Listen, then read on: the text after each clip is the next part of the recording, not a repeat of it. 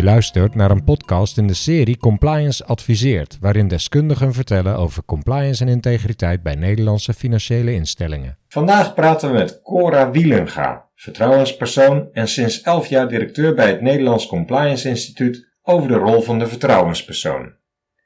Wat houdt die rol precies in? Wat is het belang ervan?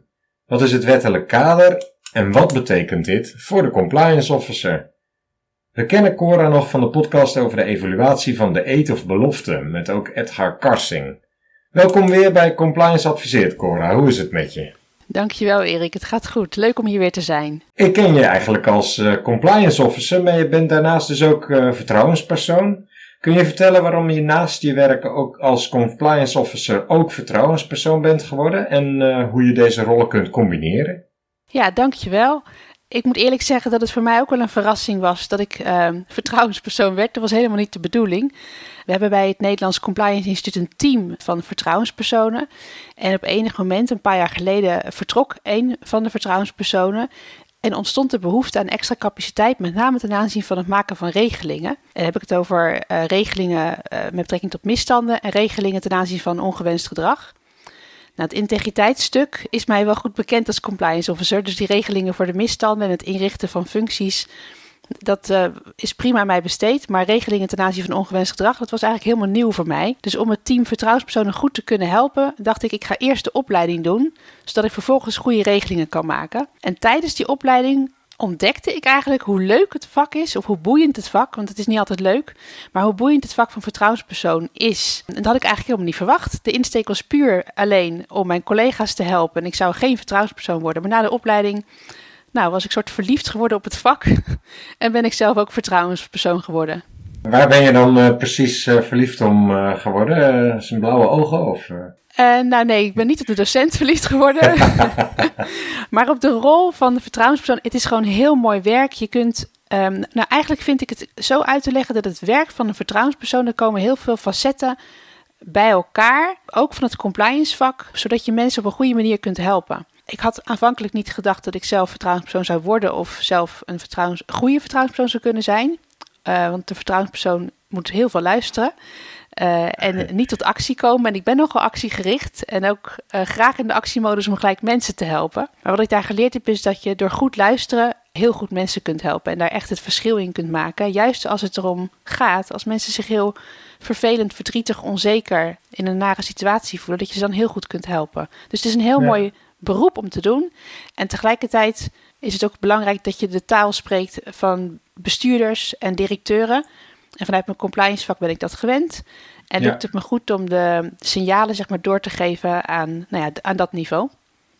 Interessant. Nou, daar gaan we straks denk ik nog wat verder op in. Maar voor, uh, voordat ja. we daarop verder gaan, kun je vertellen wat de rol van vertrouwenspersoon verder inhoudt? Eigenlijk kun je het zo zien dat de belangrijkste taak van een vertrouwenspersoon is naast de medewerker staan die een beroep op de vertrouwenspersoon doet. En eigenlijk heb je twee soorten vertrouwenspersonen. Eén is de vertrouwenspersoon ongewenst gedrag. En één is de vertrouwenspersoon uh, integriteit. En de vertrouwenspersoon ongewenst gedrag, die staat mensen bij die ongewenst gedrag ervaren. En dat uh, kan gaan, eigenlijk is het elk gedrag wat iemand zelf als ongewenst typeert. Maar je zou kunnen zeggen dat dat vooral gaat om pesten, intimidatie, agressie, discriminatie en geweld. En bij de vertrouwenspersoon integriteit, daar helpt de vertrouwenspersoon mensen die bijvoorbeeld een dilemma hebben die bijvoorbeeld iets hebben gezien in de organisatie, een overtreding of een incident of zelfs een misstand.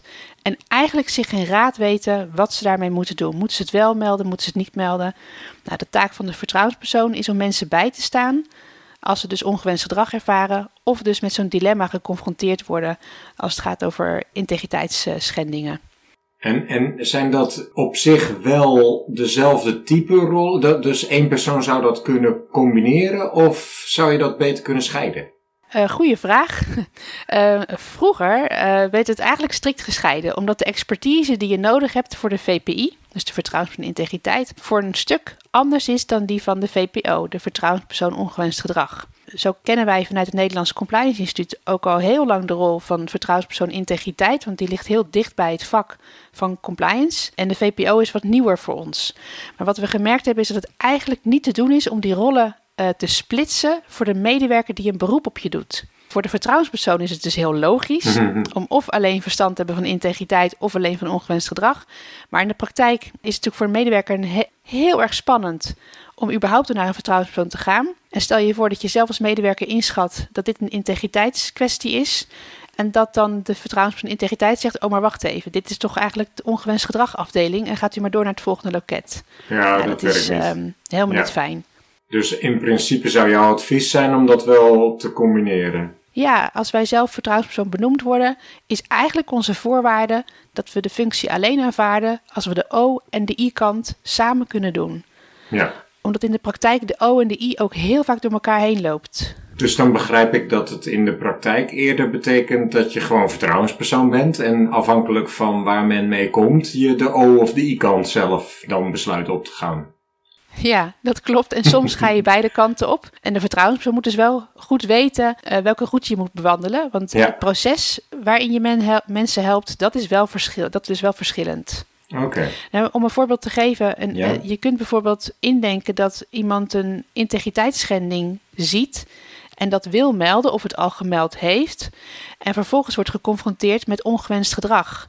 Ja, uitsluiting, niet worden uitgenodigd op een vergadering, geen promotie krijgen, geen werk meer krijgen. Ja, dan wordt hij eigenlijk een soort klokkenluider-achtig. Nou, je, je wordt niet pas een klokkenluider als je ongewenst gedrag krijgt. Dat is een eh, belangrijke misvatting over dat fenomeen. Hebben Sowieso we de meteen term ook uit de wereld geholpen. Ja, nou ja, kijk, de, de, de term klokkenluider heeft natuurlijk wel een negatieve associatie, omdat wij met name de negatieve verhalen kennen. Eh, dat als je klokkenluider wordt, dat je je baan kwijtraakt of dat je, nou ja, in het ergste geval in een caravan terechtkomt. Maar de goede eh, verhalen, die worden natuurlijk niet bekendgemaakt in de pers, want dan worden mensen gewoon goed behandeld. En dat is eigenlijk hoe je het natuurlijk het liefste ziet. Eh, dus daarom hebben wij het ook vaak over eh, het melden van misstanden in plaats van dat je de klokkenluider wordt als je een melding maakt. Ja. Nog even over dat ongewenst gedrag. Hoe vaak komt dat voor, denk je, in de praktijk? Als ik heel eerlijk ben, vanuit mezelf gezien ben ik inmiddels verrast dat het in zoveel verschillende organisaties voorkomt. Maakt niet uit wat voor type organisatie het eigenlijk is. Het maakt niet uit of het een organisatie is waar laagopgeleide of hoogopgeleide mensen werken. Het maakt niet uit of het financiële sector is of niet. Het komt overal voor. En als je kijkt naar het aantal mensen die dit betreft, eh, er zijn, worden best wel veel onderzoeken eh, naar gedaan. Ik denk dat het te maken heeft met dat het eh, heel veel geld kost, uiteindelijk ongewenst gedrag. Dat leidt vaak tot ziekteverzuim. En nog erger, het leidt ook eh, zelfs tot een, een x aantal zelfmoorden per jaar. Dus het is echt een heel ernstig onderwerp. Het ene onderzoek geeft bijvoorbeeld aan dat 1 tot de 8 mensen er, of er last van hebben gedurende hun werkzame leven. En andere onderzoeken geven weer aan dat het 1 tot 4 is. Dus zo even 1, 2, 3 daar een eh, concreet antwoord op geven is best lastig. Het komt in ieder geval A te vaak voor en bijna in elk bedrijf. Ja, het is wel een serieus probleem en waar echt wel wat mee moet. Duidelijk. Het onderscheid tussen O en I heb je geduid. Eh, welke taak heeft VP dan eigenlijk precies? Nou, naast het bijstaan van de mensen die dus ongewenst gedrag en integriteit daarmee te maken krijgen, heeft de vertrouwenspersoon nog meer taken. Namelijk om eigenlijk de mensen uit te leggen eh, wat gewenst gedrag is en wat ongewenst gedrag is en wat überhaupt een integriteitsincident is. De mensen, bedoel je daarmee de mensen die bij de vertrouwenspersoon komen of andere mensen ook? Eh, Breder nog. Eigenlijk Ja. zit er ook een stukje awareness aan vast. Dankjewel voor de ehm, extra vraag. Want het eigenlijk. Nou, ik ga even één stapje terug. Die Ja. vertrouwenspersoon helpt eigenlijk directies, bestuurders, leidinggevenden. Om te zorgen dat er een veilige en integere werkomgeving is. Dat is natuurlijk eigenlijk gewoon de taak van, van leidinggevenden. En de vertrouwenspersoon heeft daarin een helpende hand. Die faciliteert de bestuurder in. En dat kan on- onder andere zijn door trainingen te geven over gewenst en ongewenst gedrag en over integriteit. Maar daarnaast hebben we als vertrouwenspersoon ook een taak om een signaal af te geven als we op enig moment te vaak mensen krijgen die bij ons op gesprek komen over een bepaalde afdeling of over een bepaald gedrag. Dan is dat reden om een signaal te geven aan de leidinggevende, aan de directie, aan de bestuurder, om tot actie te komen. Dat is best wel een precair moment, want natuurlijk beloven wij altijd eh, geheimhouding. Eh, en wij zullen ook nooit namen prijsgeven eh, als we een signaal afgeven. Maar je kunt je voorstellen dat als er bijvoorbeeld in een afdeling, in een team van 20 mensen, al drie, vier, vijf mensen bij je zijn geweest die zich onveilig voelen, dat het zonde is om te wachten tot de zesde, zevende, achtste persoon bij jou komt melden. Mhm. Of bij jou komt aankloppen voor ondersteuning.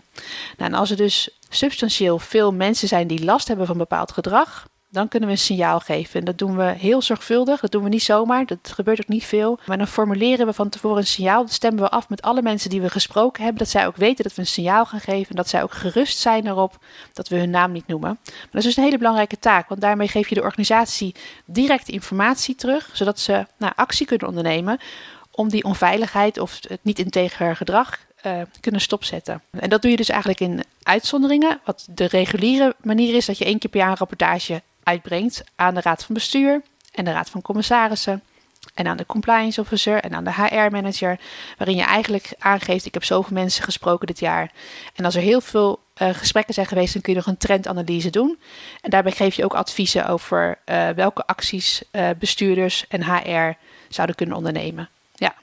Dus eigenlijk zou je kunnen samenvatten dat de taken het belangrijkste is het bijstaan van de mensen die bij je aankomen kloppen voor hulp, het informeren van organisaties, het signaleren in de geval van nood en het rapporteren en adviseren aan het bestuur en de raad van commissarissen. Duidelijk. Dat awareness creëren waarin je in, je in het begin van je antwoord over begon. Uh, stel nou je hebt met leidinggevenden te maken die zeggen, nou er gebeurt bij ons eigenlijk nooit iets wat, wat een vertrouwenspersoon rechtvaardigt. Wat is dan het steekhoudende argument waarmee ze overtuigd raken? Nou, ik vind niet dat ik ze hoef te overtuigen. Want het is misschien niet altijd de beste manier om het te, te, laten ervaren eigenlijk. Maar wat wel helpt is dat je eigenlijk iedereen wel een situatie kan bedenken waarin je zelf ongewenst gedrag hebt ervaren. En dat vraagt even wat tijd soms om dat weer te herinneren. En even terug te gaan naar die situatie waarin je zelf ongewenst gedrag hebt ervaren. En als je daarnaar teruggaat, nou, dan hoef ik niet meer te overtuigen. Dan uh, kun je daarmee uitleggen. Hoe ja, vervelend dat, dat kan zijn en wat een impact dat kan hebben. Zeker, en hoe fijn het is dat je even bij iemand kunt aankloppen. En ja, ja. in die gevallen dat iemand echt nooit ongewenst gedrag heeft ervaren, uh, dan leg ik het uit aan uh, een, een, persoonlijke nare gebeurtenis die je ooit hebt meegemaakt. En hoe fijn het was dat iemand naast je stond op dat moment. Nou, dat, dat zo'n moment kennen we allemaal. Ja. En dat naast iemand staan, dat is, uh, nou, dat, dat is heel waardevol in, in, vanuit de rol van vertrouwenspersoon. En in die end, als het overtuigen nog zou moeten, maar dat is niet helemaal my cup of tea, maar uh, dan zou je altijd nog eh, kunnen verwijzen naar de cijfers en naar de euro's die het kost als je mensen niet goed, uh, goed op, opvangt. Of naar de wettelijke verplichtingen die je hebt als werkgever. Maar dat lijken niet mijn favoriete argumenten, moet ik heel eerlijk zeggen. We gaan daar straks nog wel heel even op in, maar het is inderdaad de wet als argument aanhalen is meestal dan dat je je al kunt afvragen wat is de motivatie nou precies eigenlijk. Precies, ja, ja, ja. moet je zien te vermijden, ja. Ik begreep eerder dat er best wat misverstanden bestaan over de rol van de vertrouwenspersoon. Wat is nou het misverstand dat je het meest tegenkomt in de praktijk? Nou, er zijn inderdaad veel misverstanden over de rol van vertrouwenspersoon en over alles wat daarmee samenhangt. Het misverstand wat ik vaak tegenkom is dat mensen er eigenlijk vanuit gaan dat je altijd kunt melden bij een vertrouwenspersoon. Dus als je ongewenst gedrag hebt of een vermoeden voor een integriteitsschending of een misstand, dat je dat meldt aan een vertrouwenspersoon en dat die het dan voor je gaat oplossen of dat die het gaat onderzoeken.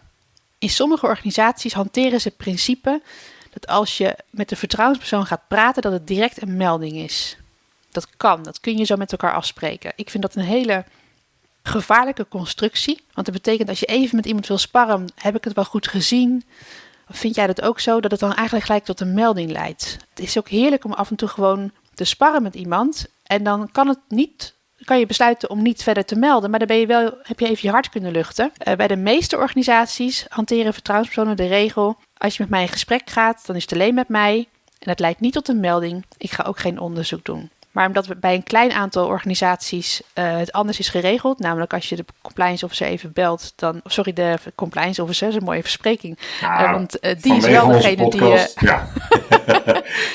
want dat is degene wel waar je kunt melden. Ja. Maar als je de vertrouwenspersoon dus belt, doe je gelijk een melding. Dat is niet het geval. Dus de vertrouwenspersoon die luistert naar je verhaal, je kan zorgen dat je, je je hart kunt luchten. En vervolgens kun je eigenlijk samen gaan kijken wat zijn eigenlijk de mogelijkheden. En dat kan dus betekenen dat je niks gaat doen. En ook als je zeker weet dat je getuige bent van een integriteitsschending of een misstand, kun je alsnog besluiten niets te doen. Dat is echt aan die medewerker te besluiten en niet aan een vertrouwenspersoon. Dus dat is altijd belangrijk dat die medewerker zelf zeg maar de regie behoudt. En vervolgens het misverstand over dat de vertrouwenspersoon geen onderzoek doet dat is ook eigenlijk het meldpunt. Als je het hebt over overtredingen van integriteit dan, en je besluit te melden, dan meld je dus bij de compliance officer als die er is, of bij een ander meldpunt wat je organisatie heeft ingericht. En als het gaat over ongewenst gedrag, dan spreek je niet van een meldpunt. Dan kun je kiezen of je dat ongewenst gedrag uh, wil laten stoppen, op wat voor manier dan ook. De meeste mensen willen dat. En de vraag is dan hoe je dat gaat doen. Nou, dat kun je dan uh, via leidinggevende doen, of de persoon aanspreken, of allerlei andere methodes. En uiteindelijk kun je ook een klacht indienen via een klachtencommissie. Dat is niet echt een hele favoriete weg om te bewandelen, want dan ben je wel een hele formele weg aan het bewandelen. Maar dat zou ook nog kunnen. Die keuze laat je aan de medewerker. Dat doet de vertrouwenspersoon dan niet, die klacht indienen. Klopt. En zo. Ja. ja, te alle tijden. Wij zijn alleen adviseur. Ja. En toen je zei dat een incident zou je ook niet kun, kunnen melden. Ook al stel je ziet een best wel serieus incident, de keuze blijft bij de medewerker. Is dat ook om te zorgen dat de vertrouwensrelatie blijft bestaan? Is dat belangrijker dan het aanpakken van dat incident dan? Ja, tot op zekere hoogte. Want bij alles wat iemand mij vertelt, beloof ik geheimhouding. Zelfs al vraagt een bestuurder aan mij wie heeft dit verteld, En dat is eigenlijk best wel een vraag die gewoon voorkomt. Dat is ook een logische reactie. Wie heb je dan gesproken? Maar dat is altijd aan de medewerker zelf, tenzij er sprake is van een ernstig delict, van een strafbaar feit. Ehm, en dan hebben we het over echte ernstige zaken, zoals um, moord of verkrachting. Dan ben ik verplicht, net als iedere burger in Nederland, om daar aangifte van te doen. Maar voor al het andere geldt dat ik uh, geheimhouding heb, ongeacht wie het mij vraagt. Nou, we hebben het er al over gehad. Het is beter als uh, de keuze voor een vertrouwenspersoon uit eigen motivatie voortkomt. Maar toch, is er een wettelijke verplichting voor het aanstellen van een uh, vertrouwenspersoon? Nou, die is er nog niet. Al denken veel werkgevers 53% is uh, uit een onderzoek gebleken dat er wel een verplichting is. En zelfs 51% van de vertrouwenspersonen denkt dat er een verplichting is tot het aanstellen van een vertrouwenspersoon. Vond ik uh, leuk om te lezen. Stond in de memorie van toelichting van het nieuwe wetsvoorstel Wetverplichting Vertrouwenspersoon. Uh, want er zit dus wel een verplichting aan te komen. Ah, ja. Maar op dit moment is er nog geen verplichting. Waar het niet dat in een aantal cao's er wel een verplichting is dat de inspectie SZW het vraagt van sommige organisaties. En het Huis voor Klokkenluiders, die adviseert het, uh, maar stelt het niet verplicht. Het wordt pas echt verplicht gesteld als die wet verplichting vertrouwenspersonen, dat is eigenlijk een wijziging in de arbeidsomstandighedenwet, als die aangenomen wordt, dan gaat het pas echt gelden. Maar nu nog niet. Nu is het alleen maar een slecht, ja, eigenlijk slechts een advies. Wanneer eh, verwacht je de, de, dat het een wet wordt? Nou, dat is lastig te zeggen nu, ten tijde dat we nog een formatie. Uh... Ja, ja, ja, ook nog. Het, is een, um, het wetsvoorstel ligt nu um, uh, voor in de Tweede Kamer. Dus dat kan, dat kan echt nog een tijd duren. De verwachting was dat het in 2021 de bedoeling zou zijn om het in werking te laten gaan treden. Maar ik heb er eerlijk gezegd uh, geen zicht op en ik zou daar zelf niks over durven zeggen. Nee. Nee. Wat betekent de wet verplichting vertrouwenspersonen dan voor organisaties? Als die wet uh, in werking gaat treden, dan betekent dat best wel wat. Dat betekent dat iedere werkgever, in de zin van de arbeidsomstandighedenwet, is verplicht om de werknemers de mogelijkheid te bieden om een vertrouwenspersoon te raadplegen.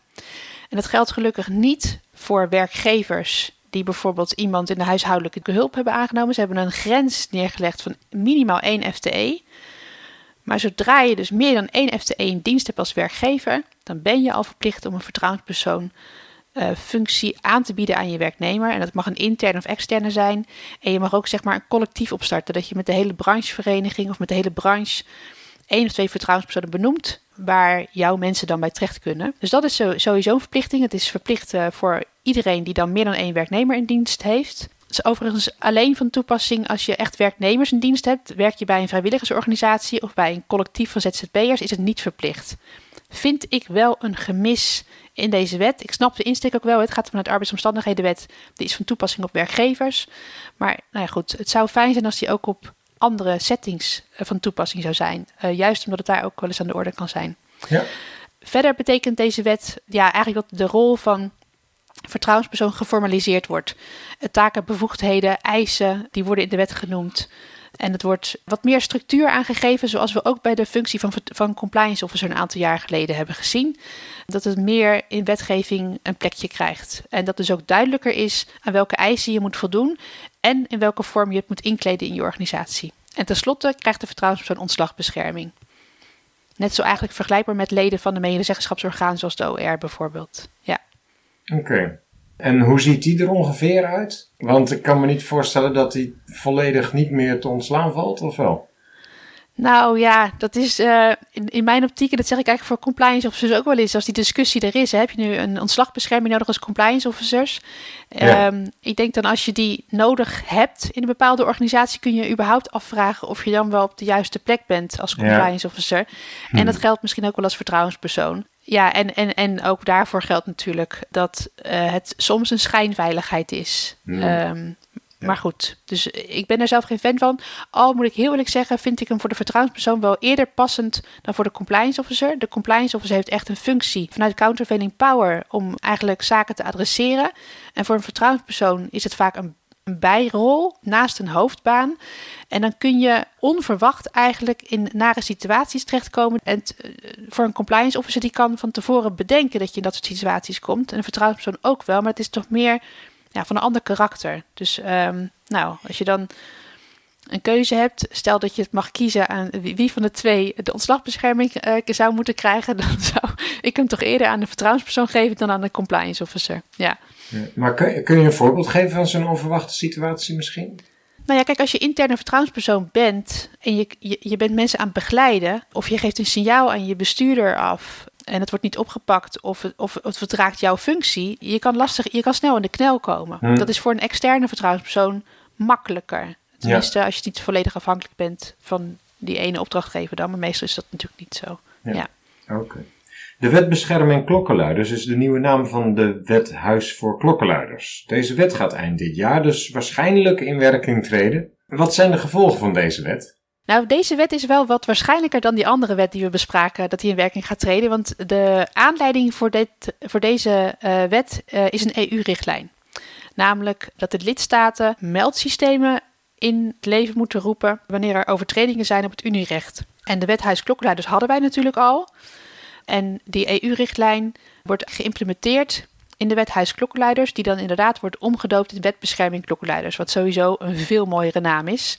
Want het gaat natuurlijk over de klokkenluiders en niet zozeer over de huis. Uh, nou, dat terzijde. Ja. Uh, maar je vroeg wat deze wet ging inhouden.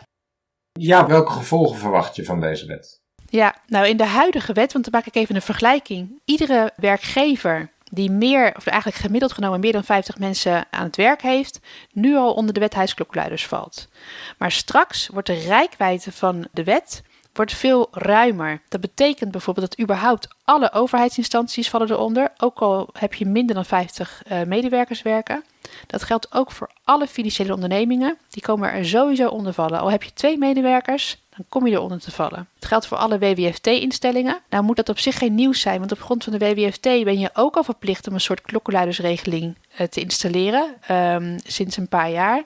Maar goed, dat is niet overal bekend. Dus sommige mensen zullen dan toch hiermee aan de slag moeten. En eigenlijk kun je zeggen, alle ondernemingen die uh, onder andere voorbeelden van Unierecht vallen, die hebben hier dan ook mee te maken. Dus de rijkwijde wordt veel en veel groter. Dat is één. En inhoudelijk zijn er een aantal zaken die ook anders zijn. De rechtspositie van melders bijvoorbeeld. Dan heb ik het echt specifiek over melders. Dus meld je intern een integriteitsschending. Nee, sorry, ik moet beter zeggen. Meld je intern een misstand. En uh, je wordt onheus bejegend door je werkgever. Dan wordt er automatisch al vanuit gegaan dat die bejegening te maken heeft met het melden van die misstand. Nu is dat niet zo. Uh, wacht even, je, je versprak je eerst. Je zei als je meldt een incident, geloof ik. En toen zei, oh nee, wacht even, een misstand. Wat is het verschil ja. precies volgens jou? Ja, oké. Okay. um, dankjewel. Deze wet, die ziet dus, de huidige wet ziet, alleen op de mogelijkheid voor bescherming en de kans dat je bij het Huis voor Klokkenluiders kunt aankloppen als het echt gaat om een misstand. In de praktijk, kijk, een misstand is echt, is echt een groot iets. Het is eigenlijk een heel groot integriteitsincident.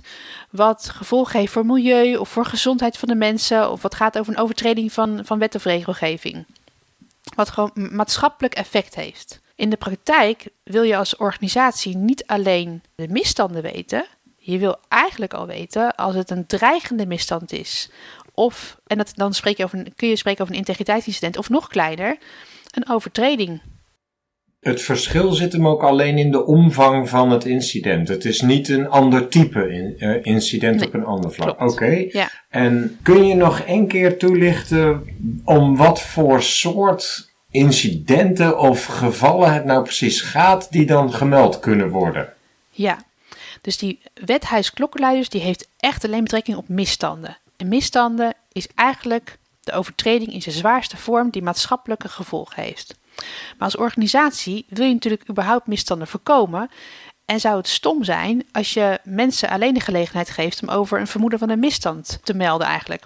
Dus wat mijn advies altijd is aan organisaties, zorg dat je het zo ruim mogelijk insteekt. Zorg dat je mensen al beschermt zodra ze een onregelmatigheid waarnemen of een integriteitsincident. Nou, een onregelmatigheid is eigenlijk een gebeurtenis of het, het nalaten van een bepaalde activiteit die mogelijk een integriteitsincident kan worden.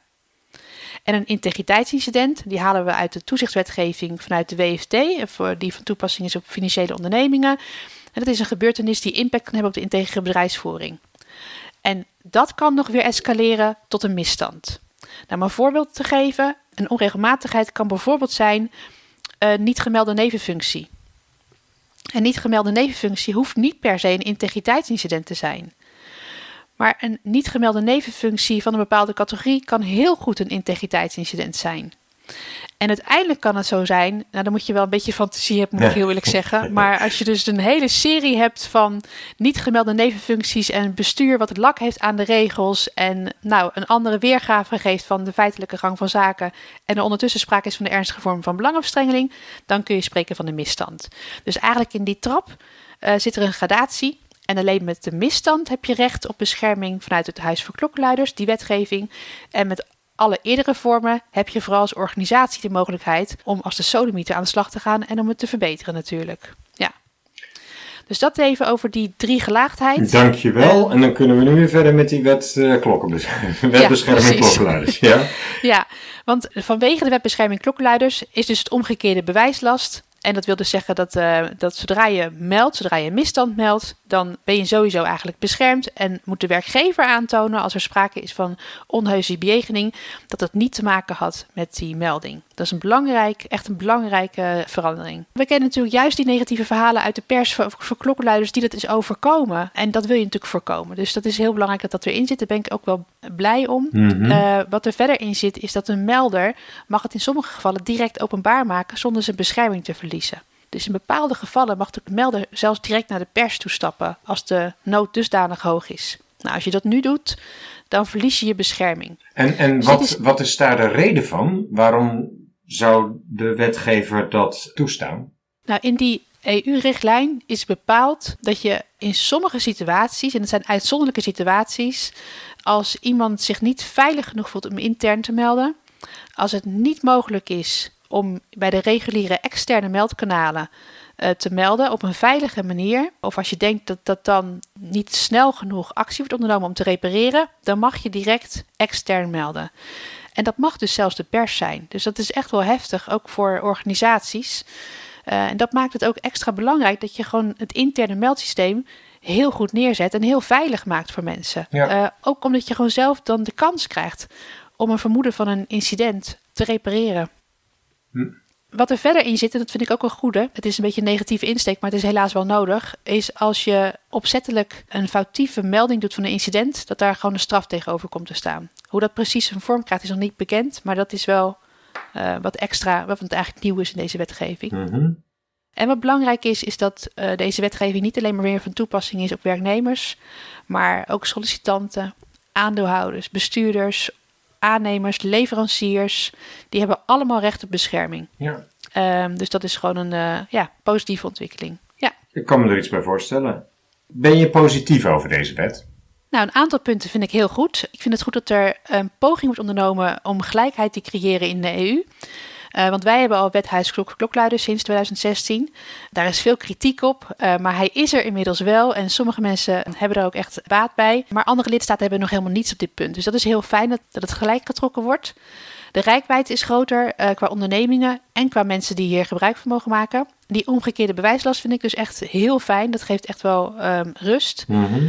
Maar er zit ook een nadeel bij. Ze hebben nu in deze eh, richtlijn afgedwongen dat je een reactietermijn eh, moet opnemen als lidstaat. En in Nederland hebben ze gekozen voor een reactietermijn van drie maanden. Dat betekent dus als een melder iets meldt bij een externe instantie. Laten we zeggen, ik heb een overtreding, ik werk bij een bank en ik zie dat er een overtreding is, dan moet je melden bij DNB. Dat is dan de aangewezen instantie daarvoor. Dan heeft DNB drie maanden de tijd om te reageren. Nou, als je getuige bent van een misstand en je gaat melden, dan is dat echt ontzettend spannend. En dan is eigenlijk, ik zou haast zeggen, elk uur dat je moet wachten op een reactie is al te lang. Dus drie maanden is in dat, ja, is in die optiek gewoon echt, echt onwenselijk. Dat is uh, onverstandig. En ik snap dat je voor sommige misstanden heb je gewoon de tijd nodig hè, om het goed te onderzoeken. Maar zorg dan dat je in ieder geval de melder continu op de hoogte houdt van het proces. Niet van de inhoud van het onderzoek, maar van het proces. Hm. Dus dat zou nog wel verbeterd mogen worden. En dit was een EU-richtlijn. Is het mogelijk dat een lidstaat zelf kiest om een kortere termijn te hanteren? Ik weet dat niet helemaal zeker, moet ik heel eerlijk nou, zeggen. ik denk het wel, maar... Welke inzichten heb je inmiddels gekregen sinds dat je de vertrouwenspersoon bent? Dat het een lastig eh, vak is, sowieso. En dat het het is een vak waar het op aankomt in de heat of the moment, zeg maar. En daarmee bedoel ik, als je een melder helpt, op dat moment kun je van waarde zijn. Ja, dat is dat op dat moment ook het moment dat je het goed of fout kunt doen. En natuurlijk kun je zelf tijd kopen door te zeggen: ik ga hier even over nadenken, wat vaak heel verstandig is, zeker als het heftige gebeurtenissen betreft. Mhm. Maar het is wel een moment waar je, of eigenlijk een, een vak waar je direct moet acteren. En wat me sowieso opgevallen is de afgelopen jaren, is dat het dus echt overal voor kan komen. En dan heb ik het met name over de ongewenst gedragkant. De I-kant, de integriteitskant, die ken ik als compliance officer al best wel aardig. Mhm. En ik zou haast zeggen, daar kijk ik haast niet meer zo uh, erg van op. Maar de ongewenst gedragkant had ik toch eigenlijk wel een beeld bij dat dat, ja, heel naïef misschien, maar dat het in sommige organisaties niet voor zou komen. Mhm. Nou, daar ben ik inmiddels achter. Dat is niet het geval. Het komt overal voor. En heel vaak niet met verkeerde intenties. En daar gaat het ook om. Ongewenst gedrag betreft hoe je het als ontvanger ervaart en de veroorzaker, hoe dat dan heel zwaar wordt genoemd, kan het wellicht heel anders bedoeld hebben. Dus het is niet altijd met kwade opzet, maar in ieder geval, het komt heel vaak voor. Wat ik verder een belangrijk inzicht vind, is dat ik nu ervaren heb hoe lastig het is voor leidinggevenden om ehm, eigenlijk met werknemers geconfronteerd te worden die eigenlijk te maken hebben met ongewenst gedrag of een vermoeden hebben van een integriteitsincident of een misstand. Ehm, wat ik vaak zie is dat er eigenlijk een soort bevriezing ontstaat bij die leidinggevende. Uh, een soort van ontkenning van nee, dit, dit kan niet, dit komt niet voor bij ons. Ehm, of het is ongewenst gedrag, dat is iets persoonlijks tussen jullie. Uh, los het zelf maar op. Als het gaat over een integriteitsschending, nee, dat, dat kan niet waar zijn. Nou, hoe dan ook, er ontstaat dus vaak een soort bevriezing, wat die werknemer die bij de leidinggevende aanklopt echt niet helpt. Waar het, wat het gewoon echt veel lastiger maakt voor die werknemer. En door die reactie die leidinggevende vaak geven, wordt de situatie erger. En daardoor uh, is het nodig dat mensen bij mij komen. Dus wij vinden ook dat we een belangrijke taak hebben om leidinggevenden hierin voor te bereiden en hierin te helpen, zodat ze uiteindelijk de vertrouwenspersoon niet meer nodig hebben. Hm. Het is natuurlijk niet altijd de leidinggevende die het uh, object is van de klacht, zeg maar, of van, de, van het gesprek bij de vertrouwenspersoon. Nee, zo is het niet bedoeld. Maar kijk, werknemers mogen bij de leidinggevende aankloppen. Ja. En, want dat, dat, daar is een leidinggevende ook voor. En dan valt of staat het verdere vervolg vaak bij de reactie van de leidinggevende. Overigens, de meeste ongewenste gedragssituaties komen voor een groot deel vanuit de leidinggevende. Toch wel. Dus ja, ja daar zijn ook weer heel veel onderzoeken naar gedaan. Hm. Ja.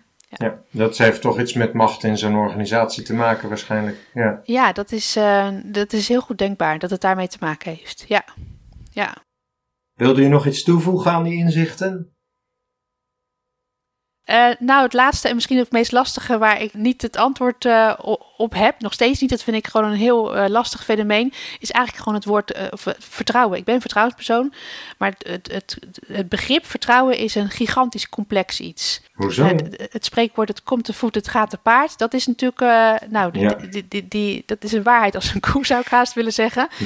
Maar ook hoe fragiel het is en hoe lastig het weer op te bouwen is als de vertrouwen eenmaal geschaad is. Dat is een heel uh, precair proces. En zelfs al willen beide partijen dat vertrouwen weer repareren, dan nog is het een heel lastig iets. Dus dat, is, uh, nou, dat, dat intrigeert mij. En ik wil daar me heel erg in verdiepen om te zorgen dat ik op die manier ook weer mensen verder kan helpen om daar uh, ook weer stappen in te maken. Dat je het vertrouwen weer kunt uh, repareren. Maar goed, ook daar heb je weer hele studies voor. Ja. dus ja. het is gewoon een heel ingewikkeld onderwerp. Ja. Dat had je niet genoemd bij de taken van de vertrouwenspersoon, meen ik. Maar ik kan me voorstellen dat ook herstel van vertrouwen toch wel een aandachtspunt kan zijn voor de vertrouwenspersoon. Ja, dat is een hele goede vraag. Want formeel is dat geen uh, taak van de vertrouwenspersoon. Niet. Want zodra iemand bij jou komt, dan sta je die persoon terzijde. En je hebt dus niet een rol uh, als intermediair Nee. als er een bepaald conflict zich voordoet. Dat kan niet, want je bent er voor één persoon. Duidelijk. Uh, maar wat je wel kunt doen, is organisaties helpen. Als het gaat zeg maar, over systemen of vertrouwen in organisaties of vertrouwen in teams. Als dat kapot is of beschadigd is, daar zie ik wel een rol voor mezelf weggelegd. Dat je dat uh, weer kunt helpen te versterken. Hm. Ja. Maar dus niet in een casus specifiek, maar meer organisatiebreed is het dan. Ja, ja, ja. Hoe ziet de relatie tussen de vertrouwenspersoon en de compliance officer er wat jou betreft uit? Is die er überhaupt? In een aantal organisaties is die er, maar uh, hij mag er wel wat vaker zijn eigenlijk. Want in mijn optiek hebben compliance officers en vertrouwenspersonen, uh, die kunnen elkaar goed vinden. In die zin, uh, als je kijkt naar het doel waarin de vertrouwenspersoon voor opgesteld staat, namelijk het helpen om een integere en veilige organisatie te helpen, of eigenlijk zeg ik het verkeerd in een andere volgorde, een veilige en integere werkomgeving te creëren. De compliance officer heeft ook een rol in het faciliteren van een integere werkomgeving. En niet elke compliance officer zit al op de richting van, zeg maar, van een sociale veiligheid van een, van een veilige werkomgeving. Uh, dat is bij de financials niet het geval. Bij de non-financials overigens veel meer. Want daar ligt zelfs het compliance vak vaak in de roots van het uh, uh, voorkomen van psychosociale arbeidsbelasting. Maar waar ik naartoe wil, is dat compliance officers en vertrouwenspersonen elkaar eerder zouden mogen vinden. Want ik denk dat je namelijk geen integere werkomgeving kunt realiseren zonder dat er veiligheid is kun je indenken dat als je onveilig voelt, dat je dan een integriteitsdilemma gaat bespreken of een integriteitsschending ter discussie gaat stellen. Ik kan het me niet indenken. Hm. Dus ik zie een veilige werkomgeving als een soort basis om überhaupt een stapje verder te kunnen zetten naar een integere werkomgeving. En daarom zou het heel mooi zijn dat vertrouwenspersonen en compliance officers nou, elkaar beter weten te vinden.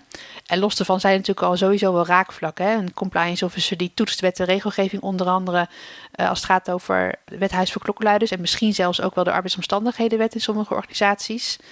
En de vertrouwenspersoon uh, die zou ook de rapportage aan de compliance officer moeten melden, zodat die compliance officer daar een beetje beeld bij krijgt. Dus dat is een belangrijke link. En misschien kunnen ze ook wel in de bewustwording, nou, samen op pad gaan, om het zo maar te zeggen. Al juist als je die link zoekt tussen de veilige en integere werkomgeving. Heel uh, duidelijk, ja. Je bent dus zelf externe vertrouwenspersoon bij verschillende organisaties. Organisaties kunnen natuurlijk ook voor een interne vertrouwenspersoon kiezen. Wat is volgens jou nou eigenlijk beter en dan even zo neutraal mogelijk, hè? nou, ik moet je eerlijk zeggen dat ik daar geen kant-en-klaar antwoord op heb. Ik kan me heel goed voorstellen dat voor grote organisaties het heel fijn is om een interne vertrouwenspersoon te hebben. Gewoon omdat die persoon de organisatie al kent en het voor werknemers uh, prettiger voelt als je, kunt, als je kunt aankloppen bij iemand van je eigen organisatie. Maar als een organisatie kleiner wordt, kan het ook spannender worden. Voor de medewerker die bij een vertrouwenspersoon wil aankloppen, maar ook voor de vertrouwenspersoon zelf. En die kent dan de context meer, die, die kent de leidinggevende misschien waar het over gaat, of die kent de veroorzaker misschien. En dan kan het dan wel heel complex worden. Dus in kleine en middelgrote organisaties is misschien wel een combinatie fijn. Dat de medewerker kan kiezen tussen de interne of externe. En dat je als interne vertrouwenspersoon ook kunt sparren met de externe vertrouwenspersoon. Zeker als je intern niet veel medewerkers krijgt die bij jou aankloppen, heb je weinig ervaring. In dit vak leer je gewoon echt uh, door ervaring. Je kunt een opleiding krijgen, je kunt gecertificeerd worden, maar dat is echt een rijbewijs. Het rijden leer je echt pas in de praktijk. Hm. En dat geldt echt voor het vertrouwenspersoonvak ook. En fouten maken is, um, ja, is gewoon pijnlijk en verdrietig in dit vak. Uh, want het, het, raakt mensen al in een hele kwetsbare situatie. Ja. Dus in die zin treden wij ook vaak op, zeg maar, als collega van de interne vertrouwenspersoon. En dan heeft die medewerker gewoon echt het voordeel dat je bij een intern persoon kunt aankloppen. Maar je kunt ook kiezen voor een externe als dat beter voelt. Maar wat, wat doe je om de drempel om naar een externe medewerker uh, te stappen weg te nemen. Ik kan me namelijk voorstellen dat als iemand intern is, dat je toch makkelijker die weg weet te vinden dan, oh, iemand extern, wie zou dat nou zijn? Uh, ja. Nou, dat is wel een goede, want uh, veel organisaties, zeker voor de VPO, de, de Vertrouwenspersoon voor het Ongewenst Gedrag, die beleggen de rol eigenlijk bij een arbodienst.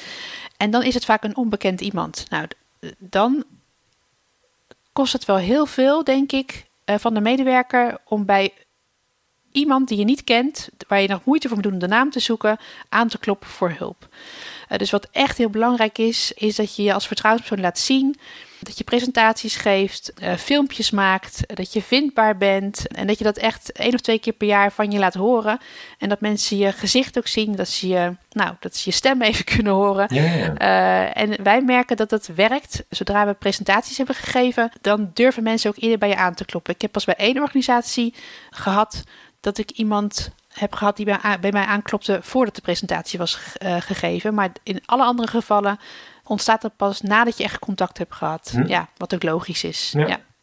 Maar als je een interne vertrouwenspersoon kunt benoemen, als je die luxe hebt, is dat, heeft het wel een lichte voorkeur. Eigenlijk vergelijkbaar met compliance officers. Dat kun je ook intern extern doen. Intern heeft in dat geval vaak de voorkeur als het kan.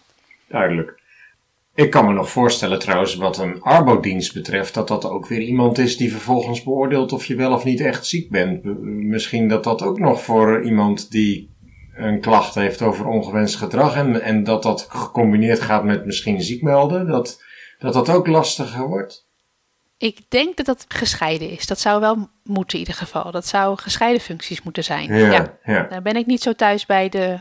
Functiescheidingen van arbodiensten, maar dat zou wel horen. Dat is misschien wel iets om op te letten. Ja. Tot slot, aanhakend op de titel van deze podcast. Wat is je belangrijkste advies aan luisteraars van deze podcast op het vak van compliance? Of wat is het beste advies dat je zelf ooit kreeg? Nou, ik, ik, wil me nu graag richten op, uh, op het advies wat ik uh, aan compliance officers kan geven. En natuurlijk gaat het over de rol van vertrouwenspersoon. En mijn advies zou echt zijn als compliance officer: zoek bij jou in je organisatie de vertrouwenspersoon op. En kijk waar je elkaar kunt versterken. Waar je elkaar kunt versterken in het uh, faciliteren van die veilige en integere werkomgeving. En ik denk dat het heel waardevol is. Ik, um, ik heb dat zelf al nu een paar keer meegemaakt als compliance officer en als vertrouwenspersoon. En dat, uh, dat uh, geeft een hele vruchtbare samenwerking. En dat is gewoon beter voor je organisatie ook. Dan kun je eerder tot een integere en veilige werkomgeving komen. Dus dat is mijn advies. Zoek de vertrouwenspersoon op. Dankjewel Cora en hartelijk bedankt voor je medewerking aan deze podcast en heel veel succes in de toekomst. Ik ben benieuwd wat er uh, op ons af gaat komen met die nieuwe wetgeving ook. We houden het in de gaten hè Cora? Dankjewel Erik, dankjewel voor de uitnodiging. Oké, fijne dag nog. Dank dat je luisterde naar Compliance Adviseert. Heb je met plezier geluisterd? Volg dan op LinkedIn de pagina van Compliance Adviseert. Heb je een vraag of aanvulling? Laat dan ook even een reactie achter op de LinkedIn pagina ik zal het met plezier lezen en wellicht kunnen we op die manier nog meer compliance kennis delen. Heel graag tot de volgende podcast.